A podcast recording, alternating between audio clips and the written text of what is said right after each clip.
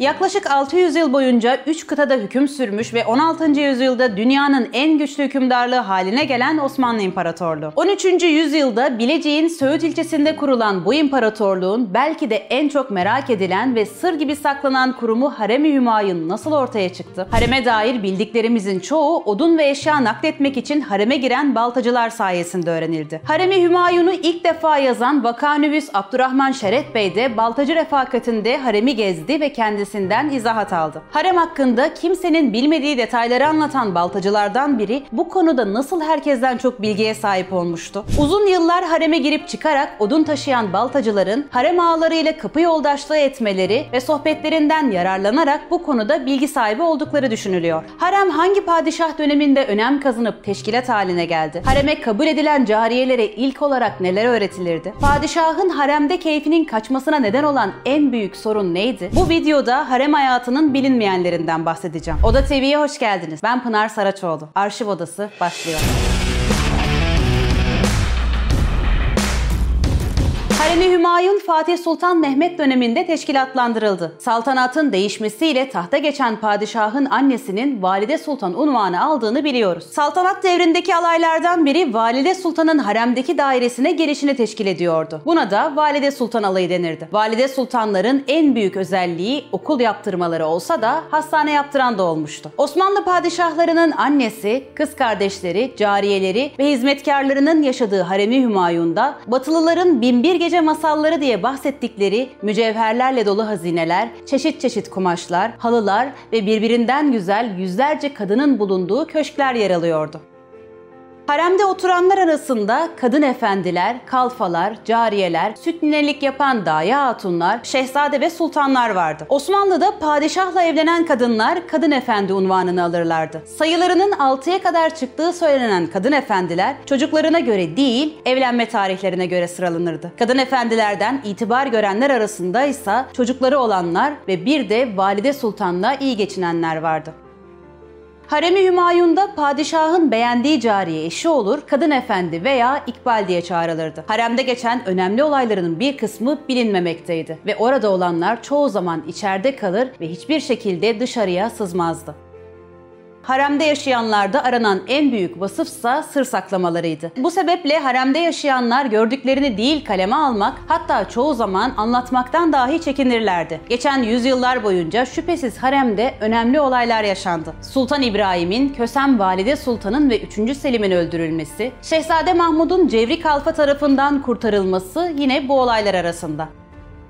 Peki harem hayatı her zaman keyifli miydi? Harem hayatının bazı ihtişamlı devirleri olduğu anlatılsa da savaş içinde geçen devirlerde devlet hazinesinin zor günler geçirdiği, Yeniçeri maaşlarının ödenmekte güçlük çekildiği zamanlarda ise bu durum hiç de öyle keyifli değildi. Devletin ekonomik zorluklar geçirdiği zamanlarda sarayda bulunan gümüş ve altın yemek takımlarının eritilerek paraya çevrildiği ise diğer bu konudaki rivayetlerden bazıları. Haremde entrika ve dedikoduların olması padişahların çoğu zaman keyifli vakitler geçirmelerinin önündeki en büyük engellerden biriydi. Hareme alınan Çerkez, Abaza, Gürcü, Ulah, Boşnak ve Nemse kızları gün görmüş kalfalar tarafından saray terbiyesine göre yetiştirilirlerdi. Cariyelere ilk olarak el etek öpmek adabı, güzel görünmek ve zarif giyinmek usulleri öğretilirdi. Doğum emaresi gözükenler için o haftanın cuma selamlığında veladet duası yapılıyordu. Doğum sonrasında ise haremde bayram havası eserdi. Hangi koğuştan şehzade doğduysa 3 kurban kesiliyordu. İlk zamanlarda dünyaya gelen şehzadeler için padişahlar altın serperlerdi. Ama doğan sultansa padişah bu merasimi gerçekleştirmezdi. Fakat Atiye Sultan'ın doğumuyla bu ayrıştırıcı adet de sona erdi. Sarayın beş yerinden günün beş namaz zamanı yeni doğan şehzade için yedi, sultan için de üç gün top atılıyordu. Yapılan etkinliklerden bir diğeri ise mehter töreniydi. Bu özel günlerde koğuşlara hokkabazla ısmarlanırdı. Kadınlardan oluşan saz heyetleri ise sabahlara kadar çalar, söyler ve oynardı. Hareme kızlar ağası hariç müsaadesiz kimse giremezdi. Bunun haricinde hastalıkların olduğu zamanda ise hekimler ve cerrahlar ancak harem ağalarının refakatinde girebilirlerdi. Hareme misafir hiçbir şekilde kabul edilmez ve yalnızca evli sultanların validelerini ziyaret etmelerine izin verilirdi. Geceleri kurulan yataklar gündüz elhamlara sarılıp kaldırılıyordu. Her oda ve salonda minderler bulunuyordu. Sarayda namaz kılmak mecburiyetlerdendi. Namazdan kaçanlarsa azarlanır ve itibar görmezlerdi. Harem-i Hümayun'un cümle kapısı çifte tunç kanatlıydı ve üstünde Besmele-i Şerife bulunuyordu. Bu kapı sabahtan açılır, akşamları ise kapanırdı. Açılış ve kapanışta dua edilir, kapı kapandıktan sonra ise anahtarı kızlar ağasına teslim edilirdi. Harem dairesi boşaltıldıktan sonra 1919 yılında tamirine başlandı. Hazine-i Hassa tarafından girişilen bu tamir işini de Mimar Vedat Bey gerçekleştirdi. Haremin görülmeye değer yerlerinden biri de cariyeler dairesiydi. Birçok karanlık, izbe, loş ve rutubetli odaları kapsayan bu kısımda hayatlarını sürdüren cariyelerin nasıl yaşadıkları hakkında oturdukları yerlere bakarak bir fikir sahibi olmak mümkün.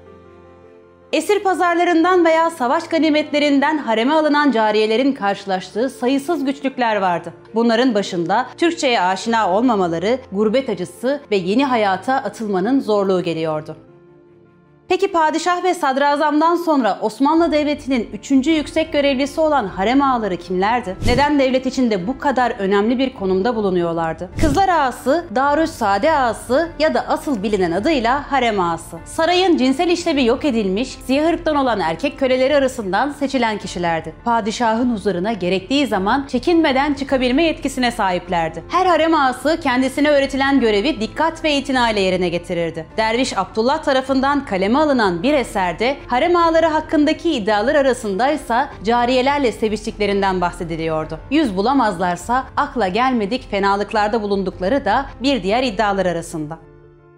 Harem ağaları teşkilatın içinde yaşıyorlardı. Odaları loş ve rutubetli olurdu genelde. Aylıkları ise çok düşüktü. Kuşluk adıyla verilen yemekleri iki öğündü. Biri sabah ve öğle arası veriliyordu, diğeri ise ikindiden önce. Cumhuriyete kadar Harem-i Hümayun sadece Babeyni Hümayun'dan izin alınarak gezilebilirdi. Cumhuriyetin ilanından sonra da halkın gezmesi mümkün olabildi. Videomuz burada sona eriyor. Bu videoda sizi en çok şaşırtan detay hangisi? Yorumlarınız varsa lütfen yazın. Videomuzu beğenmeyi ve Oda TV'ye abone olmayı al mail não het moment.